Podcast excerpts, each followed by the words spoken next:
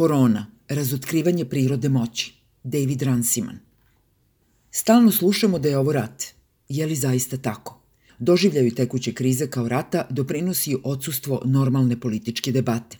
Britanski premijer se pojavljuje na televiziji da bi obavestio naciju o smanjivanju građanskih sloboda, a lider opozicije ne nudi ništa osim podrške politici vlade. Ima se utisak da parlament, ako je uopšte sposoban da funkcioniše, samo razmatra predlogi. Ljudi su zaglavljeni u svojim kućama i njihovi napori su ograničeni na privatnu sferu života. Govori se o vladi nacionalnog jedinstva. Politika, kakvu poznajemo, je nestala. Ali to nije suspenzija politika, već ljuštenje jednog sloja političkog života da bi se ispod njega otkrilo nešto sirovije. U demokratiji obično mislimo o politici kao nadmetanju raznih stranaka za našu podršku. Fokusiramo se na ko i šta političkog života. Ko želi naše glasove, šta nam nude, ko će od toga imati koristi. Izbore vidimo kao način rešavanja tih pitanja. Ali krupnija pitanja u svakoj demokratiji uvek se odnose na kako. Kako će ljudi na vlasti koristiti ogromnu moć koju im dajemo i kako ćemo mi na to reagovati. Ta pitanja su uvek zaokupljala pažnju teoretičara politike, ali sada ona nisu u toj meri teorijska. Kao što pokazuje tekuća kriza, osnovna činjenica na kojoj počiva politička egzistencija jeste to da neki ljudi mogu da govore drugima šta da rade. U jezgru moderne politike je kompromis između lične slobode i kolektivnog izbora. Tu faustovsku pogodbu uočio je filozof Thomas Hobbes sredinom 17. veka u vreme kada je zemlju razdirao građanski rat. Kao što je Hobbes znao, politički vladati znači imati moć nad životom i smrću građana. Jedini razlog da nekome damo tu moć je uverenje da je to cena kojom plaćamo kolektivnu sigurnost. Ali to takođe znači da poveravamo odluke o životu i smrti ljudima koje u krajnjoj liniji ne možemo da kontrolišemo. Za njih je glavni rizik mogućnost da građani ne urade ono što im se kaže. Tu postoje samo dve opcije – Ili će država iskoristiti moć prinude koju ima na raspolaganju i prisiliti neposlušne da se povinuju. Ili će politika u celini doživeti potpuni slom, a od tog ishoda, po Hopsovom mišljenju, treba najviše strahovati. U demokratiji imamo luksus čekanja na sledeće izbore kako bismo kaznili političke vođe za njihove greške. Ali to je slaba uteha u situaciji kada je ugroženo osnovno preživljavanje – A i inače, relativno govoreći, to baš i nije neka kazna. Oni mogu da izgube posao, ali nema mnogo političara koji zapadaju u siromaštvo, dok mi možemo da izgubimo život.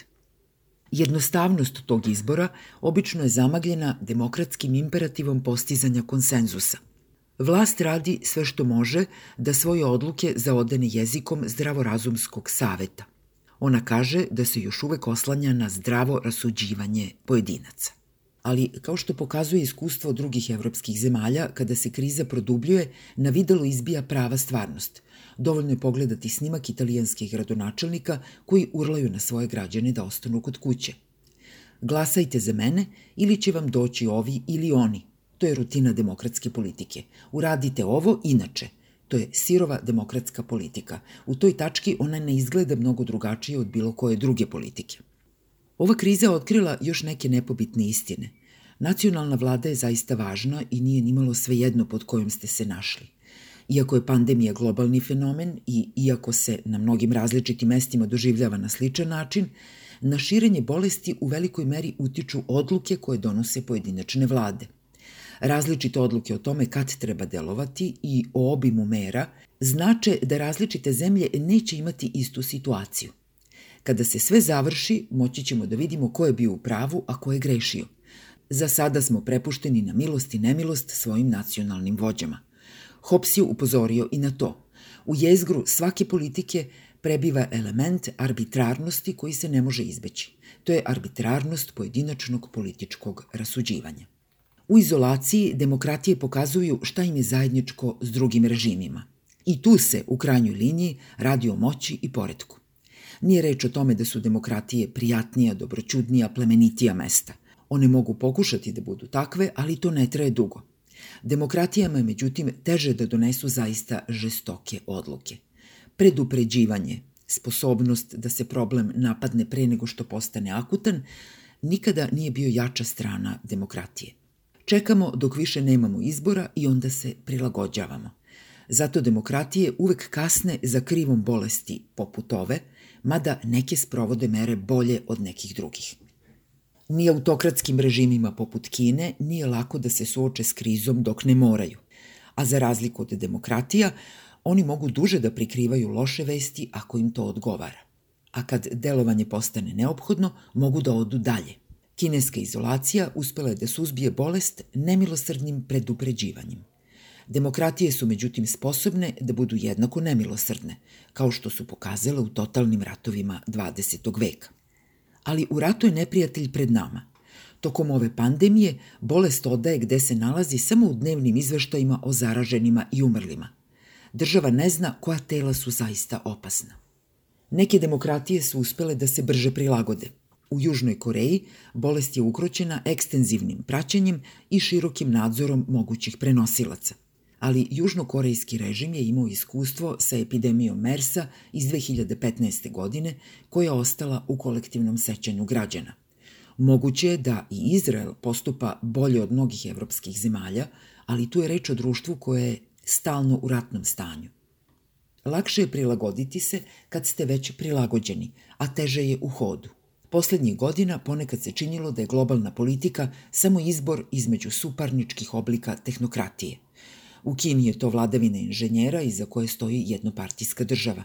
Na zapadu je to vladavina ekonomista i centralnih banaka koja funkcioniše u granicama demokratskog sistema.